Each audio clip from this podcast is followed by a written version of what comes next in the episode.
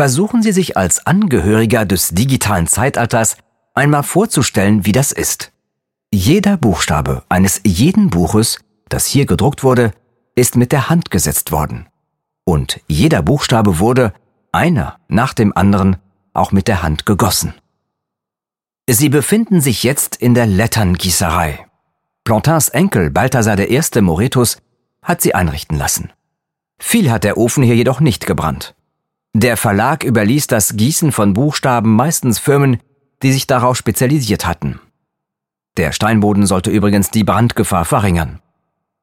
Plantin legte großen Wert auf schöne Buchstabentypen und unterschied sich dadurch von seinen Konkurrenten.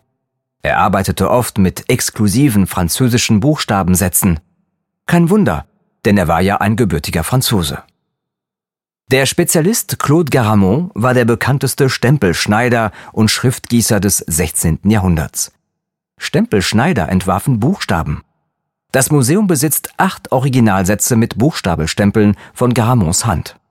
In Plantins Zeit galten seine Entwürfe als besonders exklusiv. Plantin übertraf damit die gesamte Antwerpener Konkurrenz.